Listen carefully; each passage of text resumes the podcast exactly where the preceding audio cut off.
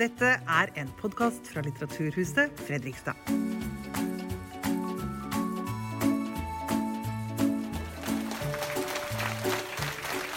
Ja, kjære alle sammen.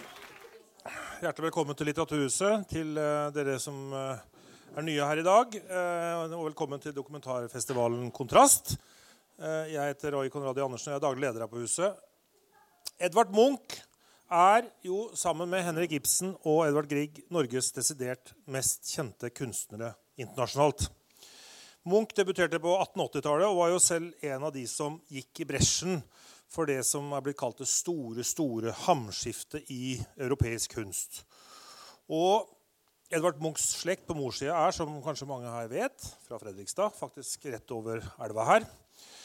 Og så er jo veldig, veldig mye sagt da om, eh, og skrevet om Edvard Munch. Så er det egentlig noe nytt og spennende å si om ham.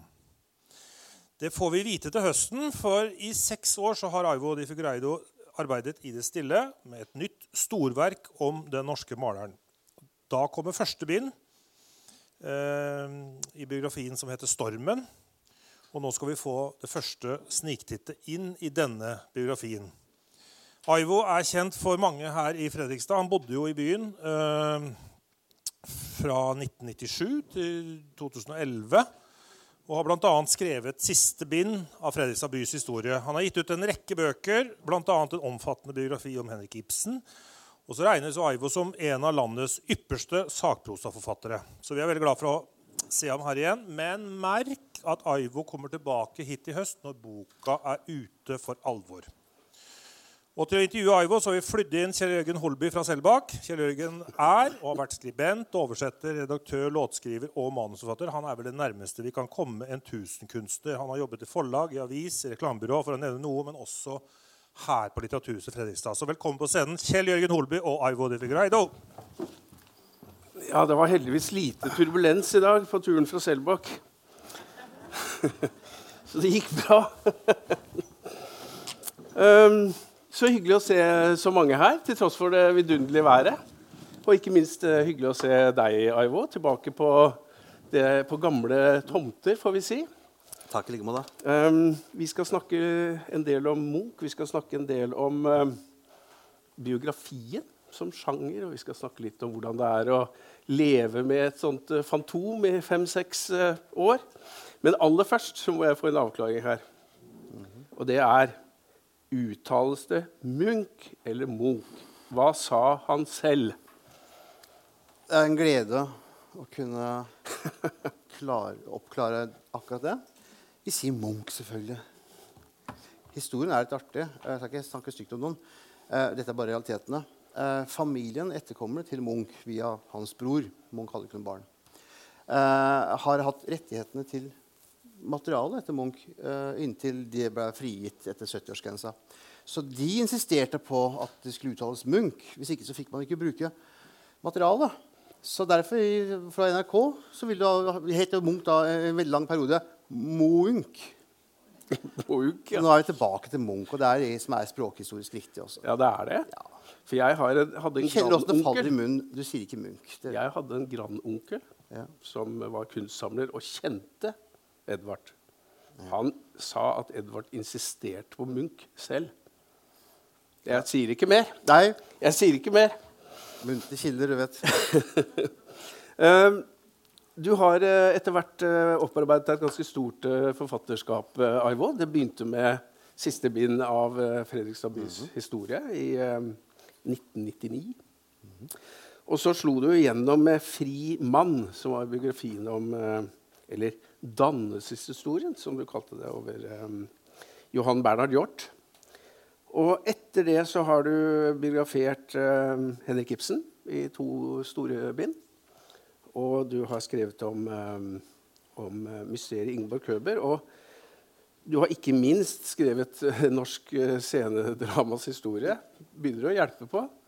Og den siste boka jeg leste av deg, og som vi også snakket om, faktisk, det var jo din veldig veldig flotte familiefortelling som, som het 'En fremmed ved mitt bord', og som, som hadde altså var et slags eh, sånn globalhistorisk blikk på, på din egen familie. Det høres ille ut når du først ramser opp. Uh, uh, Hvor stort ego har du? Uh, Ibsen, Munch og så meg selv? Jeg, jeg, Jeg syns jeg du skal stå i. Men hvis du skulle peke på noen, eh, noen uh, ting som har vært viktige for deg gjennom forfatterskapet altså, Fins det noen linjer i dette forfatterskapet som, uh, som vi lesere bør merke oss? hadde nær sagt? Uh, vel Det er jo veldig fint å være her, da. Jeg var også med i å starte opp Jeg kan ikke si det, da, men jeg var i idégruppa med å starte dette huset. Og satt og drodla og tegna. Jeg sa bare få et rom som er stort nok for kvinnelig leseforening. Det husker jeg. Men det er, det, nei, jeg, altså jeg er utdannet historiker. Eh, og, og var ferdig der på Blindern i Oslo i 1994. Og så fikk jeg denne jobben et par år etterpå med å skrive byhistorie. Og da var jeg en sånn oppdragshistoriker. Jeg hadde ikke noen ambisjoner. Jeg hadde dedikasjon, men ikke så mye ambisjoner. og Jeg håper jeg egentlig er der ennå. Men uh, jeg likte så godt å skrive. Og det, jeg blei forfatter her, da. Eh, Nils Johan Ringdal, eh, kollega som ikke er blant oss lenger, han ringte og sa at du må skrive denne biografien om, Edvard, nei, om uh, Johan Bernt Hjort, som ikke er et kjent navn. men Han var altså uh, nestleder i Nasjonal Samling uh, og Quislings fortrolige og konkurrent i 30-åra. Eh, og så begynte jeg på det mens jeg ennå holdt på med byhistorie. og Mens jeg holdt på å bygge hus. Man har så ekstremt mye energi når man er rundt, 19, rundt 30. Eh, rundt 1930. Eh, det har jeg ikke lenger. Men, uh, og så gikk det slag i slag. Og, og så har jeg bare skrevet siden. Nå har jeg glemt spørsmålet. Uh, sammenheng Jo, så sakprosforfatter. Motsatt en romanforfatter. Ikke sant? Så, så, Dag Solstad er en forfatter. Man tenker ikke på Man forbinder han med at han, sitt forfatterskap. Han skriver sine bøker, og det gjør alle andre skjøn- skjønnlitterære forfattere. Men skriver du sakprosa, så blir det ofte assosiert med det emnet du skriver om. Og det kan da være det forskjelligste. Fra det ene til det andre. Så veldig en vanlig frustrasjon blant oss som da er, driver med det vi kaller litterær sakprosa, som ikke betyr annet at vi er sakprosaforfattere som forsøker å late som vi er ekte forfattere. Eh, så begynner den å komme med året. da. Ja, men hva er, hva er forfatterskapet mitt? Hva er den tråden? Det er greit for Morten Strøksnes og Åse Seierstad. Det er ofte reiser og dokumentarer. Da det gir en sånn sammenheng. Um, jeg har aldri hatt det, da. Men eh, så etter hvert, da, eh, sånn litterær midtlivskrise, så begynte jeg å tenke og se bakover. Man skal jo gjerne være tro mot seg selv. Man bruker seg selv. eh, og det blir jo en sammenheng, da, på en eller annen måte. Da måtte jeg helt tilbake til hovedoppgaven min i historie. Da jeg skrev om nasjonal samlingsideologi, hvor jeg var veldig opptatt av hva disse menneskene forestilte seg. Det var da jeg skrev dette er hovedoppgave, så det er ikke så viktig, men de siste tre åra før krigen så var Nasjonal Samling en, en liten sekt, før det da plutselig eksploderte da de kom til makta. Eh, og de insisterte på at verden var styrt av jøder, kapitalister og bolsjeviker.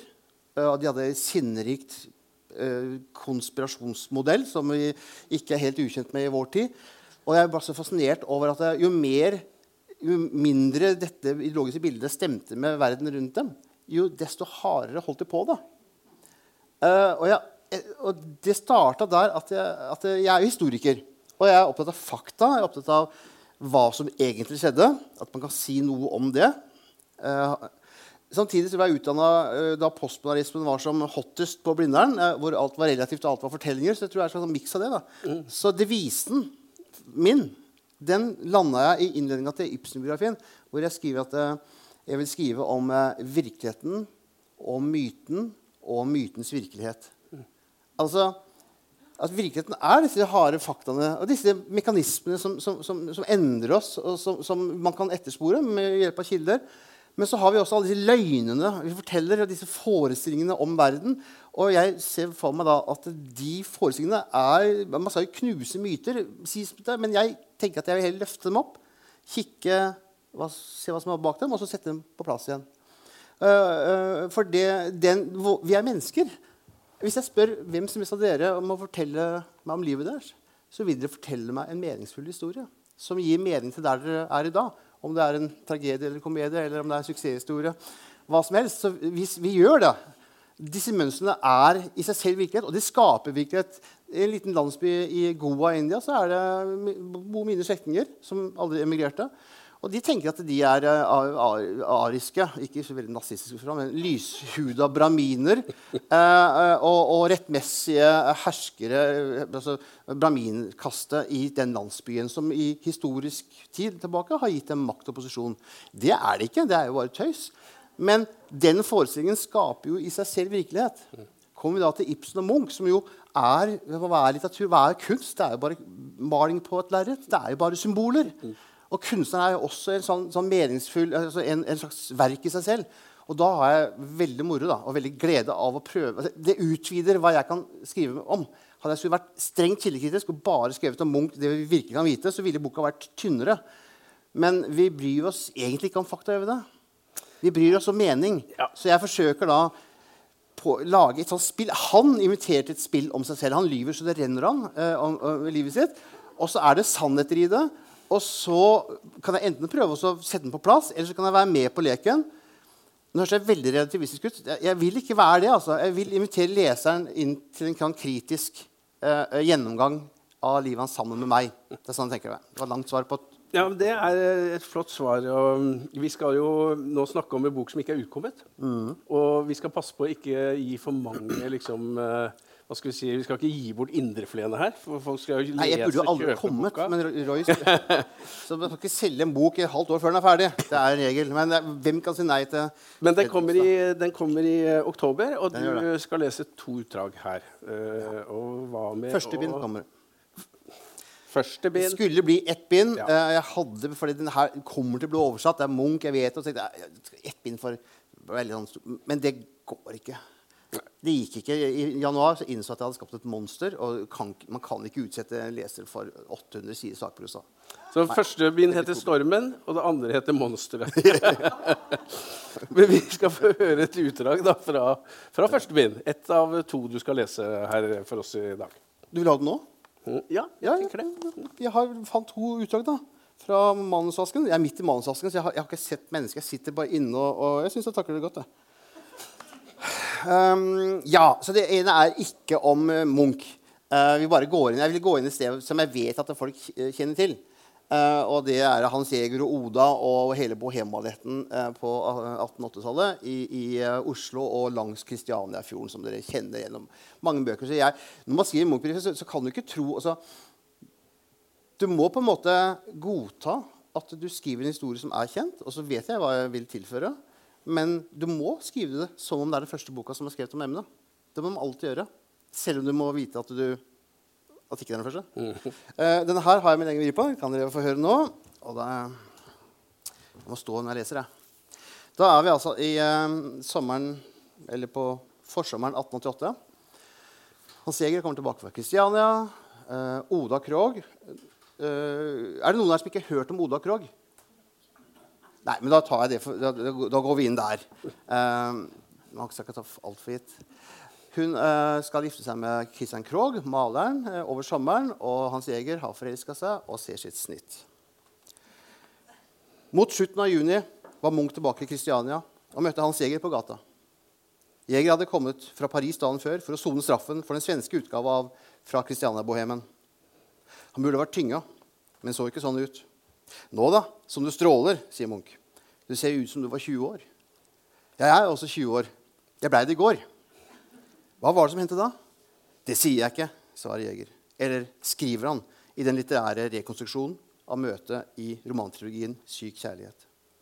Så klarer han ikke å holde på hemmeligheten likevel. Før han dro til Paris, hadde Jeger forelska seg i regjeringsadvokat Lassons datter Oda. Hun er kvinnen som i kulturhistoria har gått inn som Christianias bohemprinsesse.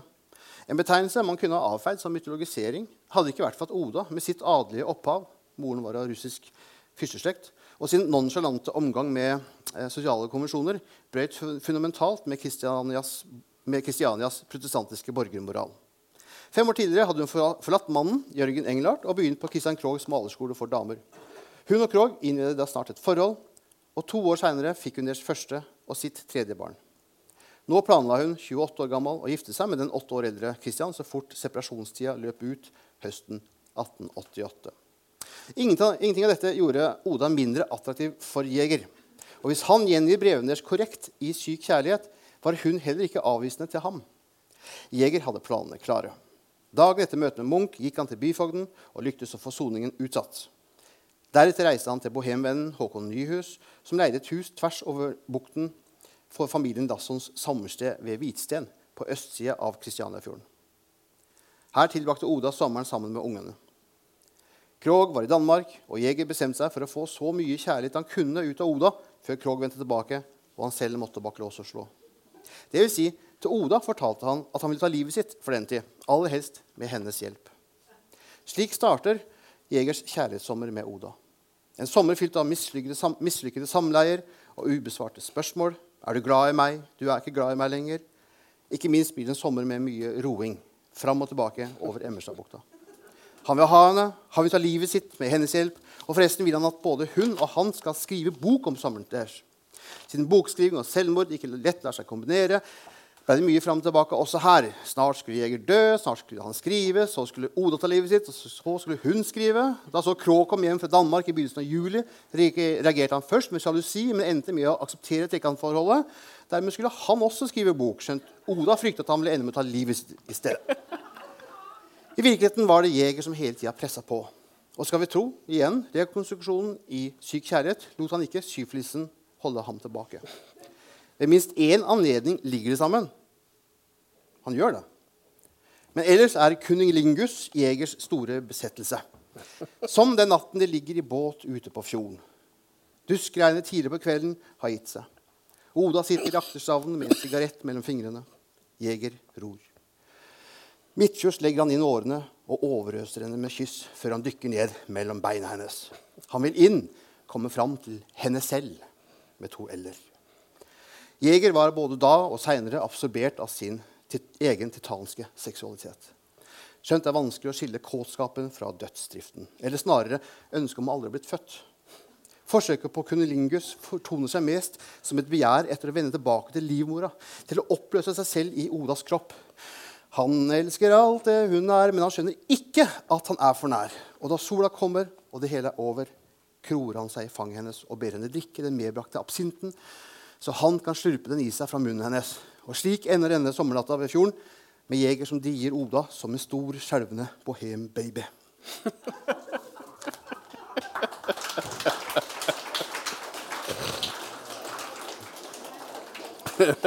Han kysset hennes hår, som det heter i sangen. ja, jeg begynte å synge.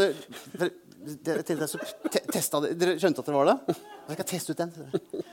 Så det, det er jo min altså, Som sakprosforfatter, så skal du, jeg, jeg, akademiker, så skal du jo kritisere, diskutere eksplisitt.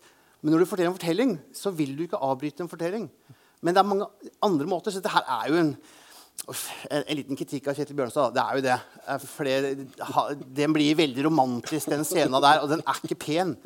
Uh, og, og det er ikke, det er ikke og, og, Hvis dere ser så den Munch-filmen, så den sommeren uh, med Millie uh, den, unge, det, ikke, det, var jo ikke så pent. Nei. Det som mangler der, er jo Gud og seksualangst. Det, du, du, du, ikke, du, vet ikke hva Munch er, hva dette her er, før du vet, vet hva bruddet med Gud, bruddet med far, og synsvissheten og skammen. Hvordan det herja disse menneskene. For ikke snakke om den helt konkrete angsten for syfilis. For, uh, for kvinnens skjød. Skjød? hva sier man på Man kan si skjød, ja. Det er, det er pent. Fordi kåtskapen var brudd mot Gud, mot far, mot mor og var livsfarlig. Fordi i dypet av kvinnens vagina så lå det grens, grenseløs glede, nytelse og utsikter til galskap på en sikker død. Mm. Så, og da, De er fra mannens ståsted, så jeg slapp av, jeg tar det fra andre sida også. Uh, for disse prostituerte jentene var jo det verre, selvfølgelig. Så alt det her er med.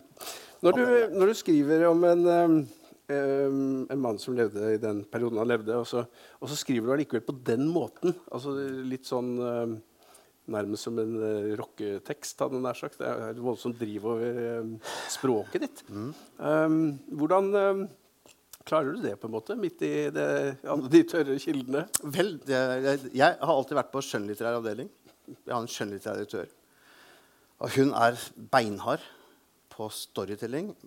Og jeg er sakprosforfatter, så hun sier her trenger jeg en scene med far og sønn. Jeg har ikke en scene med far og sønn. Det er jo sakprosa. Jeg må ha kilder. Eller her dør, her, dør den personen litt for tidlig. Nei, men de, dør jo når de dør i, i, i historien. Men det skjerper meg på fortellerbevissthet. Eh, og jeg skal ikke jukse. Jeg er veldig imot å jukse sakprosaen inn i romanaktige former. Det vil jeg ikke. Det, jeg skriver ikke skjønnlitterært. Jeg skriver litterært. Det er felles. Det er veldig viktig for meg. Men uh, det, åh, nå sitter jeg i manusvasken. Det er tusen små valg. Hvilken språkdrakt skal jeg bruke? Jeg bruker originalspråket på den tida. Eh, jeg bruker ikke rocka ord. Ordet rocka ville ikke vært der. ikke sant? Eh, jeg vil at leseren sammen med meg skal være i stemninga fra tida, men ikke, ikke antikvarisk. Eh, hvis jeg skriver om eh, gata Grensen i Oslo, så står det ikke Grensen. Da står det Grensen for folk så jeg skjønner. Så det er vel en sånn eh, så språk, det, et, Denne boka her er Selv dette ene bindet er ganske tjukt, men jeg har laga mange små kapitler, og de skal være en sånn liten litterær, eh, litterært univers hver for seg.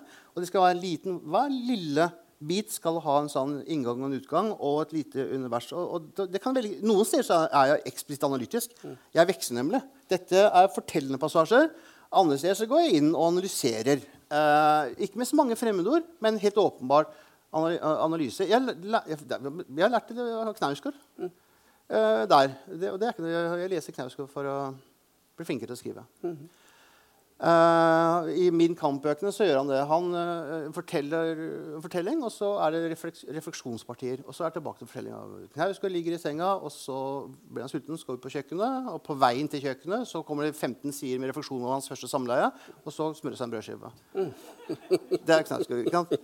Så jeg prøver å ikke gjøre det samme. Da, men jeg prøver også å, jeg, jeg, jeg er historiker. Jeg, jeg vil diskutere. Jeg vil også være eksplisitt, ikke bare lada Jeg prøver å få til en slags sånn helhet. jeg tenker Det går hvis det er en fortellerstemme som, som er inviterende, og så vil kanskje leseren følge med. Men eh, jeg vet ikke om det er et godt svar på Jo, det er, jeg syns jo det er et godt svar. Um, Jeg er jo litt eh, opptatt av Kanskje mange ikke eh, vet det, men um, altså, hvor, hvor sann er en biografi? Hvor, hvor mye slingringsmonn har du i forhold til altså, Er alt kildebelagt? Eh, Ja, Alt er ikke notebelagt, for det, da blir det Nei, nei, nei, men nå tenker jeg kildebelagt i, i, Ja. i, i ditt uh, Det varierer veldig. Med Munch fikk jeg et dilemma fordi veldig mye av kildene til hans barndom er han selv. Og du ser han har farga det. Så her tok jeg noen valg som jeg ikke har gjort før. Uh, for det sagt, Jeg vil ikke være av de som prøver å skvise inn en, eh, en, en virkelighet inn i sånne kjente narrative romanformer. Men samtidig så er jo Munch er jo da, som sagt, eh, han er jo, Jeg ser jo på verket, er jo maleriet, men jeg synes også, jeg tenker på også kunstneren som verket. Hans kunstnerpersona. Et ord som ikke er så vanlig i Norge, men som er veldig vanlig i uh, engelsktalende land. Men uh, det er altså den, som, hvordan kunstneren framstår som figur. Ibsen er sfinksen. ikke sant? Og hvordan mennesker er alltid vel, like opptatt av kunstneren som av verkene. Og så er det som om det blir et verk til sammen. Og, og Munch og Ibsen registrerte hvordan de ble dyrka, og hvordan eh, eh, seerne og leserne uh, uh, oppfatta hva de verga. Og så investerer de denne resepsjonen tilbake inn i nye verk. Så det er en sånn sirkulasjon hvor man ikke kan skille det fra hverandre. Men Munch er altså sånn, en som da lever for kunsten. Så hele veien vil det være hardcore historie, hvor jeg sier at ja, sånn var det, og sånn var det. Og det er veldig kildebelagt. Men så er det da hvordan man skal forstå dette her, hvem han var, hva han følte. Og der har jeg gjort et forsøk på og da, som, eh, som jeg sa, egentlig, å invitere leseren med inn som en kritisk, med, ja, kritisk medforfatter. Så den første setninga eh, i, etter anslaget så kommer det åpninga om foreldrene. Det starter hvis jeg husker det riktig, eh, med et bilde av faren, og så står det eh, hva, hva står det for noe? Fotografiet, fo, et fot- fotografiet lyver ikke. Det er verre med betrakteren. Og så starter jeg med å så tvil. og Så ser jeg hva jeg ser på bildet, og det ser jeg. Men kan du stole på meg? Så, og det er den eneste måten, tror jeg. Og, og jeg har én hovedregel i all skrivinga mi, og det er en veldig nyttig og, og kanskje åpenbar øh, øh, øh, devise. Ikke gå ut fra at leseren er idiot. Gå ut fra at leseren som faktisk er villig til å sette i gang med det her, og til og med kommer seg øh, gjennom den, ikke aldri undervurder leseren. Så hvis jeg klarer å åpne et rom som leseren kan gå inn i, så skal du se at leseren gjør det. Og jeg vet ikke hvor mange ganger jeg har blitt eh, som slått av det man da kaller vanlige lesere, eh, som kommer og forteller hva de har sett og hva de har lest. Og så, så, så Nei, visse, noen steder så forteller jeg helt åpenbare løgnhistorier. Som, det kommer i bind to, da. Når, eh, jeg kan like godt snakke om det nå. Hvor Munch, etter å ha brutt sammen eh, i Warnemünde, Tyskland, eh, eh, sommeren august 1908, og skal hjem og, og, og, men kommer bare til København når han bryter sammen og har dette berømte sammenbruddet. ikke sant? Som dere kanskje vet om. Eh, det er sånn der vendepunkt. Klassisk dramaturgi. Inferno, krisa til Strindberg. Du har en sånn sammenbrudd. Og så skriver han om den, og den forteller sånn der. Han kommer på ferja, og, og så ser han en underlig fyr. Lang fyr med spiss nese og en sånn vingelignende kappe. Uh, og så, man, så blir det veldig sånn stuss over. da. Og så kom, møtes de Når de kommer til Getze i Danmark, så går de opp på toget, og så kommer han inn i kupeen, og så, så sier han uh, presenterer seg som, som psykiater fra Wien. Altså, det er jo den fremmede passasjer han møter. Så dette er bare skrøner. jeg nevner det jo, men jeg har ikke noe poeng ut av det. liksom.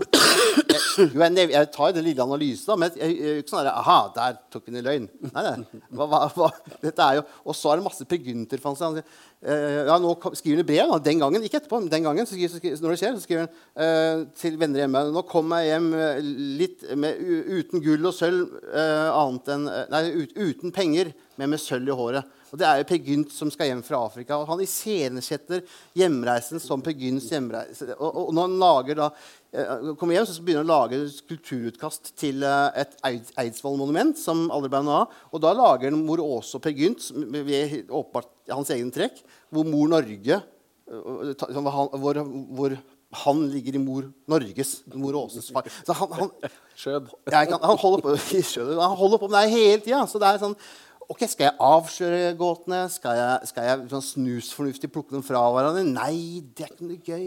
Dette, denne, dette er en lek som vi skal være med på. Det er det jeg prøver å få til. Der, hvert.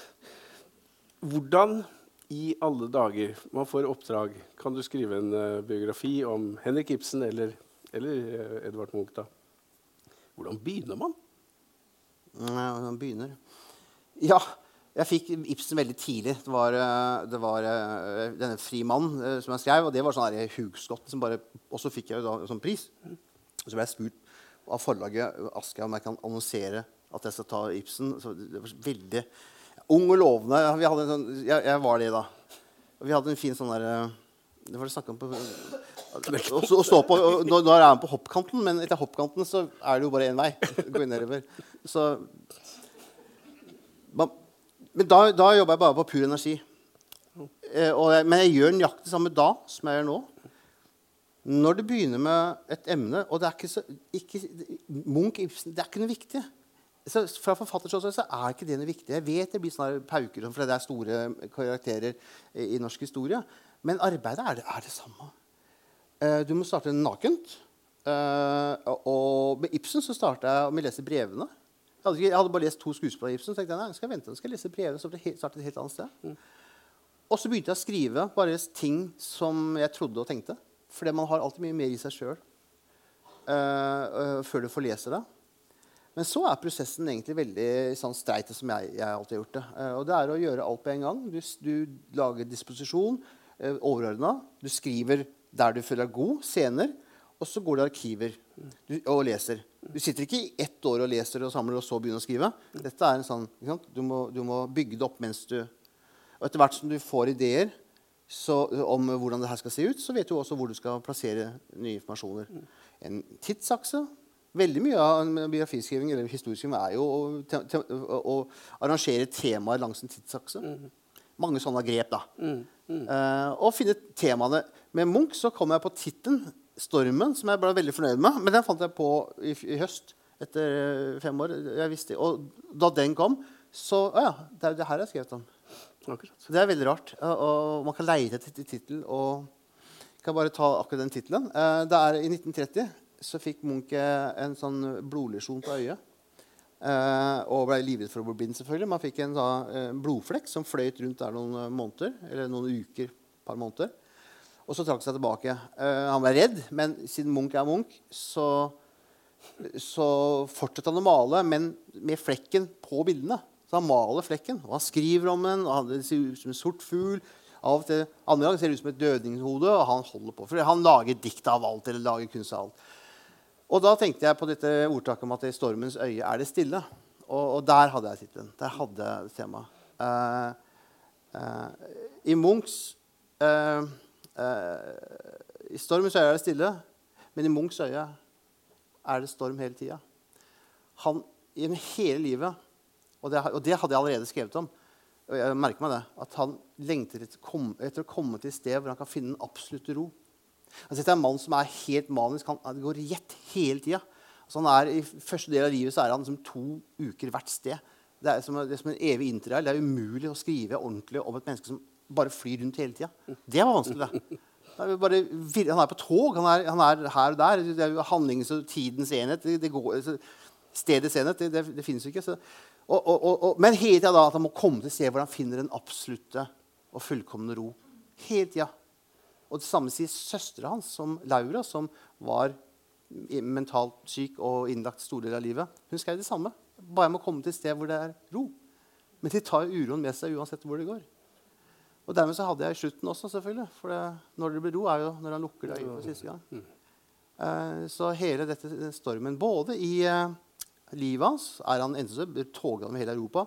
Når han da kom hjem i 1908, så ble han bofast. Uh, bofast da pendler han i Altså først, først, er det det store triangelet Kristiania, Paris, Berlin. Og så blir det, når han kommer tilbake, så blir det lille triangelet Kristiania, Hvitsten, Kragerø, Åsgårdstrand. Altså langs Og inni huset sitt så er det opp og ned trapper fram og tilbake mellom Og i kunsten så ser hva, hva er det som er, hva er Munchs uh, fingeravtrykk? Hva er, det, hva, hva er det kjenner igjen Munch på? Han maler i de forskjelligste stiler. Han har gjort alt i, av alle stiler. Men likevel så er det alltid Munch. Den rastløse streken. Mm. Bevegelsen. Mm. Kunsten får den mye plass i, um, ja, ja. i uh, bøkene? Det er klart. Jeg, har jo, jeg står jo på, eller sitter på skuldrene uh, til uh, mange gode kunsthistorikere. Mm. Så en del av, Jeg har min veldig stendige analyse, men, men, men, en del av det her arbeidet her er jo også å være, liksom, syntetisere måtte, Samle litt, en del av det som folk har gjort før meg, og kloke mennesker, så er jeg også uenig i noen. Mm. Men jeg, jeg syns ikke det kler en sånn sjanger å være for polemisk. Så jeg har strøket mye av liksom, det som er polemikk. da. Mm. Noe må jeg ha, for jeg, noe, noen steder så er jeg så grunnleggende uenig at jeg må nevne det. Men jeg, jeg syns ikke det kler en sånn Jeg vil heller være litt mer autorativ uh, i, i, den sjangeren. Mm. Uh, dessuten så blir det veldig mye å skal gjøre seg uvenner med absolutt alle andre kunsthistorikere. Uh, før man er ute bok. Det er ikke så smart. Nei, det betyr ikke så mye. Litt. Men, men, men, opplever du det som en fordel eller en ulempe å, å ikke selv være kunsthistoriker når du skal um, gå Det er antagelig en fordel. Uh, men jeg har gjort en karriere av å drive med ting jeg ikke uh, har greie på. Mm uh, og, men jeg har blitt mer bevisst at jeg har med meg verktøykasse inn i alle disse nye mm. emnene. så jeg vet hva jeg vil med det. Men det er veldig viktig å være ydmyk og, og lære av andre. Eh, så jeg kan ikke gjøre som Jenny Knausgård, som i sin bok om Munch liksom, eh, bare er sånn slakter disse akademiske tørrpinnene. Eh, jeg har veldig stor respekt for, for, for, for hva de gjør. Mm. Uh, og så er jo skrivemåten og tenkemåten litt annerledes. Men for meg er jo kunstverket i verden og kunstneren i verden som er, er min jobb. da. Mm, ja. Så jeg, skriver, jeg skal jo for eksempel ikke skrive om hva, ingen som skal lese. Jeg skriver masse bilder, uh, men jeg skal ikke komme med noen eh, tolkning som ekskluderer andre tolkninger. Min jobb er jo å si noe fornuftig om hvordan disse, de bildene som, uh, hvilke meninger ga i samtida. Og så legger jeg til noen personlige Jeg må jo ha litt, ha mine egne, Hvis det er noe som er vakkert å røre meg, så vil du nok se det. Mm. Men ta pubertet som et bare veldig godt eksempel. Som Jeg skriver om denne boka her. Jeg skulle ikke snakke så mye om boka, men sånn er det. Jeg klarer ikke det være. Uh, Pubertet uh, vil jo de fleste da oppfatte som et bilde som uh, handler om, viser en, en, sårbar ung jente før prepubertal jente på terskelen til voksenlivet med den skumle skyggen som hviler over henne. I samtidskritikken så vil du se sånne anmeldelser hvor det sto hvor det ble skrevet som at uh, her sitter hun, barnet i ferd med å bli en kvinne Uh, en farlig kvinne, uh, og at hun kom, blir den skjøgen hun har vært helt fra hun lå i sin mors liv. Altså, en, en, en tøyt, altså, når barnet blir kvinne, så blir hun et monster. Så, sånn kunne man også se det. Og det er Sjarmerende. Ja, ja, det er min jobb er å bringe dere tilbake til den verden. Uh, og den verden fram til dere da, som lesere. Hvor går gre det er jo, liksom, biografi er jo en av de beste kilde, tenker jeg, for å, lese om. Lese om ikke bare personen som er biografert, men også det kulturelle landskapet han eller hun beveger seg i. Hvor går grensen for deg mellom de to hva skal vi si, oppgavene? Jeg er den typen som skriver om mannen og tiden. Mannen og, det, bare menn så langt. Nei, bortsett fra Ing Ingeborg Køber. Så øh, Ja, det er menn og tid. Uh, jeg, jeg, nei, jeg, der er jeg samfunnet. Uh, jeg er veldig opptatt av det. Å se på, se på kunstneren i, i verden. Uh, har, men det skal jeg ikke Jeg har disse refleksjons... Jeg har som, som en sånn Har en ganske seriøs, ambisiøs tolkningsramme som ligger under. Som, sånt, som en sånn konstruksjon. Og så flyt, skal vi at fortellingen skal flyte over. Av og til så heiser jeg den konstruksjonen opp. Uh, så der har vel, for å gjøre det litt kort, uh, så har jeg vel en, innfallsvinkel til Munch som jeg si overordna, men egentlig sånn der nede, uh, som er globalt. Jeg mener at Norge har produsert to kunstnere, kanskje tre, som er en del av global kultur i dag. Ibsen, Munch og for så vidt Grieg. Og det forplikter i en global tid. Så det vil jeg gjøre. Jeg har jo også skrevet også for min egen familiehistorie, som er en veldig global historie. Mm. Så da leser jeg meg opp på den type uh, teori og historie. Og, og, men hvordan gjør man det med Munch? Vel, jeg ser ham ovenfra som en kunstner fra Norge. Og jeg forsøker å vise da, hvordan han uh, var, kan ses på som en, eh, en, en barbar fra nord. Altså en provinsiell kraft. Som nettopp ved å komme fra en liten utkantnasjon har en slags frihet til overskridelse som i et gitt historisk rom og et tidsvindu kan slå inn og uh, bringe med seg fornyelse til de store europeiske kulturlandene. Ikke ulikt hvordan postkoloniale kunstnere og forfattere fra Asia, og Afrika og Latin-Amerika har gjort det i, i, i, vår tid. Så det er min globale blikk. da, Men jeg er jo i, i, i tida, og I Tyskland blir Munch sett på som en, som en ja, Tyskland har jo alltid hatt en svakhet for Norge. ikke sant? Det er jo der han blir stor i sin levetid. Ingen, det er ikke noe, Skandinavia og Tyskland det er ikke noe mer.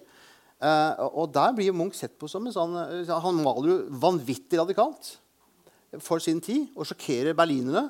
Men i, i den grad, og det blir jo skandale, Han blir jo ikke likt, da, men i de kretsene som da trykker ham til sitt bryst, avantgarden, så blir han sett på som, en sånn, som, uh, som en, et uttrykk for en sånn primitiv villskap eh, som ha, har noe ek ekte ved seg. Tyskerne tenker på at Norge er som sånn prekapitalistisk idyll som det germanske folk en gang levde. tenkte de.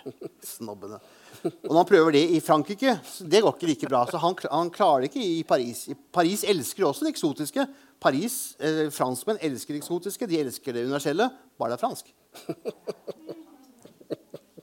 Så han blir en slags eh, sjaman Durek som kommer eh, til Tyskland. Det er litt svak sammenligning, kanskje. litt mer med.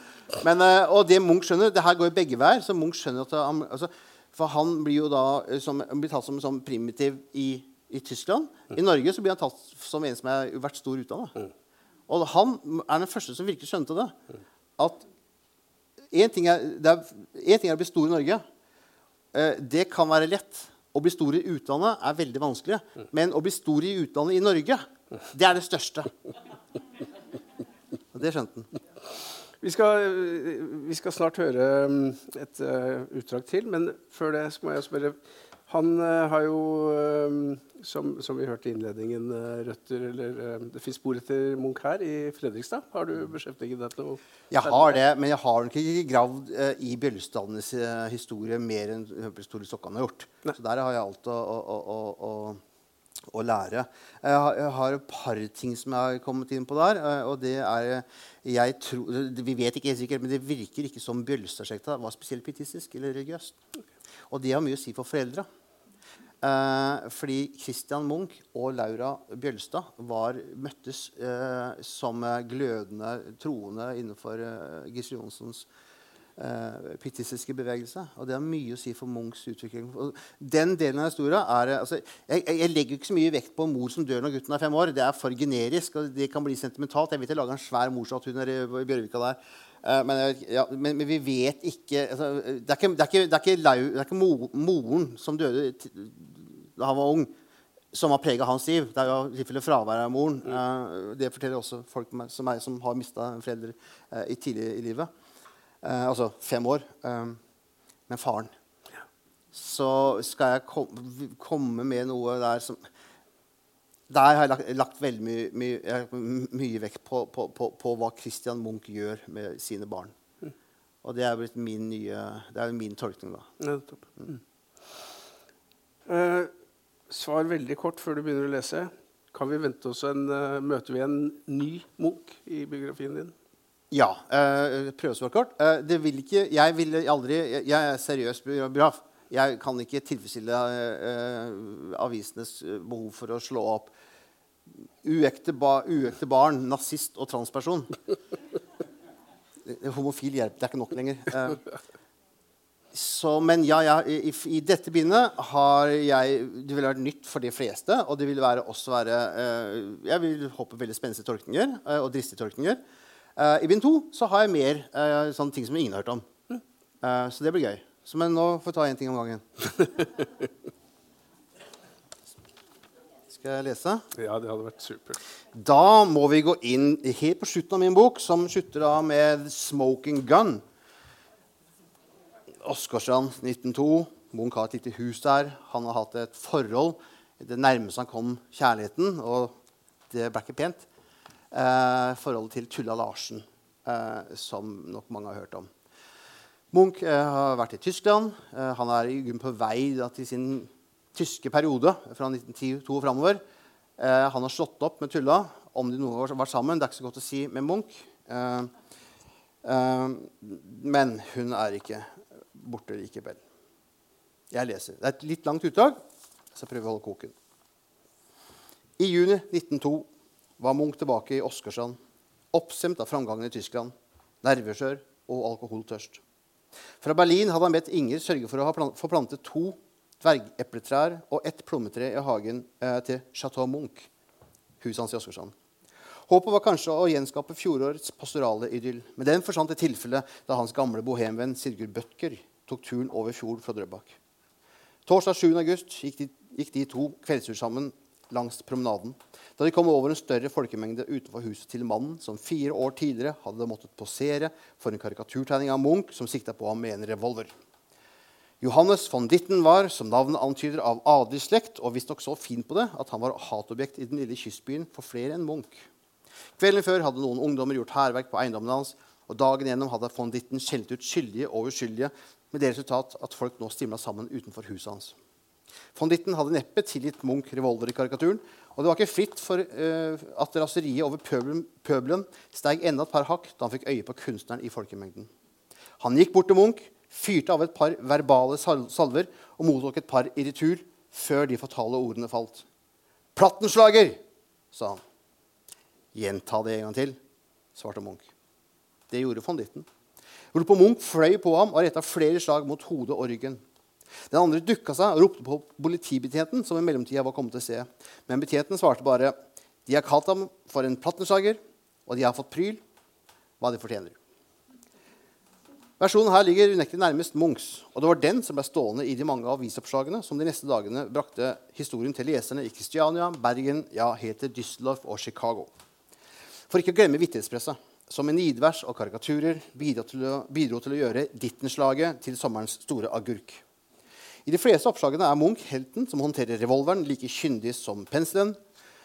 Og På spørsmål forsøker en ikke navngitt forfatter å forklare Ørebladets journalist hvorfor dagens kunstnere fant på så mye rart. Hvorfor levde de ikke vanlige borgerlige liv som kunstnerne i gamle dager? Til dette svarer forfatteren at en moderne kunstner ikke kunne leve et spissborgerlig liv. Man var litt citat, 'rarere beskaffen innvendig' og måtte gjøre rare ting for å ikke miste fotfestet i den åndelige verden. Vi lever jo ikke for ingenting i nervøs- nervøsitetens tidsalder. Akkurat hvordan Munch var beskaffen innvendig, viste seg noen uker seinere, da han ble konfrontert med en for ham for langt mer, langt mer truende skikkelse enn von Ditten. Så langt vi vet, hadde ikke Munch hørt noe fra Tulla etter at de skilte lag i Brynnen to år tidligere. Først seinere skulle han få greie på at tante Karen hadde unnlatt å videresende brevene hennes mens han var i Berlin. I likhet med Inger hadde tanta for lengst lagt Tulla for hat, og i dette tilfellet må Edvard ha vært takknemlig for brevsensuren. Selv om han neppe hadde gjort det klart for Tulla, var han for sin egen del ferdig med henne. Og det sjøl om han må ha innsett hvilke konsekvenser forholdet hadde hatt for hennes omdømme. Han var også fullstendig klar over at hun slett, at hun slett ikke var ferdig med ham, og at vennekretsens sympati lå på hennes side. Etter at Tulla vendte hjem fra München våren 1901, hadde hun bodd et års tid i Røyken, drøye syv mil nord for Åsgårdstrand. Mens hun bodde her, begynte vennene å kontakte ham på hennes vegne. I et usedvanlig åpnærte brev innrømmer Åse Nørregård, hans venninne og maler, at hun hadde påbegynt flere brev til ham, men hver gang mista motet. Jeg tror det kommer av at de har hånet meg og alle kvinner så de siste gangene vi har vært sammen, at jeg har like overfor dem tapt min grad i selvtillit. Jeg ser kun for meg deres kalde, hånlige ansikt, og det knekker meg. Åse blottstiller seg. Ikke bare for Tullas skyld, men for alle kvinner, inkludert seg selv. Jeg har vært på gråten flere ganger i det siste når vi er sammen, og det tror jeg ikke er deres mening. Om noen burde kunne nå fram til ham, var det Åse. Men nei. Munch ville ikke høre et ord om Tulla. Men så lett skulle han ikke slippe. Utpå sommeren 1902 ble han først oppsøkt av Tullas samboer på Røyken, maleren Cecilie Dahl. Søsteren til byfogd Dahl, far til Ingeborg Høber for øvrig. Deretter av Sidkur Bødker, som stadig ferierte Drøbak. Begge kom i samme ærend og bønnfaller Munch om å avlegge Tulla en nådevisitt i Røyken. Om ikke annet enn for å hindre henne i å gjøre noe mot seg selv. Skal vi tro Munchs eget litterære tilbakeblikk, ga han etter for Bøtker, og lovet å gjøre ett siste forsøk på å forklare Tulla at det var uinnkallelig slutt mellom dem. Så kunne de gå videre hver sin vei. Før han kom så langt, tok imidlertid Tulla saken i egne hender. Natten til 23. august hørte Cecilie Dahl stønning fra naborommet. Hun åpna døren til Tullas værelse og gikk bort til senga. Tulle rakk, si, rakk å si at hun hadde tømt en flaske morfin før hun døste av. Sammen med piken tvang Dahl seks kopper sterk kaffe i venninna, men innså at hun trengte noen til å hjelpe seg. Klokka var halv fire om, morgenen, men Dahl klarte å få sendt et brev til Munch i Åsgårdstrand. Ellers formidla Sigurd Bødker beskjeden per telegram for Drøbak. Her er kildene uklare. Og nå var Munch snar i vendinga. Ifølge sin egen beretning fikk han tak i en seilbåt og kryssa fjorden. I Drøbak venta Sigurd Bødker med sin egen båt, og sammen seilte de i den sterke solgangsbrisen innover fjorden mot Røyken. Det var for lengst blitt formiddag da Munch åpna døren til Tullas værelse. Det røde håret hennes lyste mot den hvite puta. Han tok hånda hennes og så at hun var ved bevissthet. Han trøsta henne etter beste evne og lovet å komme snart tilbake. Han måtte bare snart ut til, snart ut til Berlin for å hente bilder til en utstilling på Blomkvist i september. Noen dager seinere var han på vei til Tyskland med reisepenger fra tante Karen. I mellomtida tok Bødker Tulla med seg til Drøbak og holdt Munch orientert per brev. Hun er kommet noe mer til ro, ro nå, men venter sikkert med lengsel på ditt Drøbaksbesøk og denne avgjørende samtalen med deg. At han grua for denne samtalen, var opplagt for alle, også Bødker. Telegrafer helst vannkomsten og utsett den ikke. Utsettelsen tjener dog ingenting. Tilbake i Norge drøyde Munch bare noen få dager før han bega seg mot Drøbak. Han hadde det ikke travlere enn at han gikk den lange veien, og kom først, fram først ut på kvelden 9.9. Morgenen etter oppsøkte han Tulla hos Bødkers. Hun virka nervøs, synes han, men hun fulgte ham villig til dampbåten som skulle ta dem til Horten. Derfra tok de landeveien fatt mot Åsgårdstrand. Mens de gikk, spurte han hvordan det var med henne. Svarene kom sakte, og snart gikk de i taushet. Den store samtalen skulle tas når de var framme. Det var kveld før Munch åpna døren til huset sitt. Inne var det kjølig. Han fyrte opp i ommen. Så gikk de til sengs, hver for seg. En gang i løpet av natten kom han til henne. 'Fryser du?' Han bredde et teppe over henne og la seg inntil. Kroppen hennes var tung. Han omfavnet henne, ikke som en elsker, men som man gjør med et barn. Morgenen etter spiste de frokost og gikk deretter ut til atelieret. Tulla i hans yttertøy for ikke å vekke oppmerksomhet. De så på bildene og snakka om løst og fast, inntil de ikke lenger kunne utsette det uunngåelige. Den store samtalen. De hadde forsøkt før, men hver gang endte opp med å krangle. Lettere var det ikke nå, verken for henne eller for ham. De snakka, ordene tok hverandre, stemningen ble amper, inntil Munch fikk nok og gikk ut for å hente en flaske konjakk. Han måtte drikke for å klare de indre bølger. Slik han til å huske det. Så husker han ikke så mye mer. Bare brukker som han siden forsøkte å sette sammen. Han sitter i en stol, tyller i seg sprit. Kinnene er våte av tårer. Ute har det begynt å mørkne igjen. På et tidspunkt har de gått tilbake til huset. Tulla vil finne noe å spise. Han takker nei. Nå ligger han i senga, halvt i døs. Han har en revolver i hånda. Så er Tulla på gulvet. Hun tørker blod med ei fille. Det lukter krutt i rommet. Kula hadde gått gjennom venstre hånds langefinger, revet opp kjøttet på veien så beinsplintene stakk ut, før den kilte seg fast i ringfingeren. Den høyre hånda, penselhånda, var uskadd. Begge må ha vært i sjokk, men på et tidspunkt la hun blodfylla fra seg og løp etter doktoren. Han kom og forbandt de kvestede fingrene. Tulla fulgte ikke med tilbake. Hun kom aldri igjen. Det er kvelden 11. september 1902, slutten på dagen da kunsten vant over kvinnen i Edvard Munchs liv.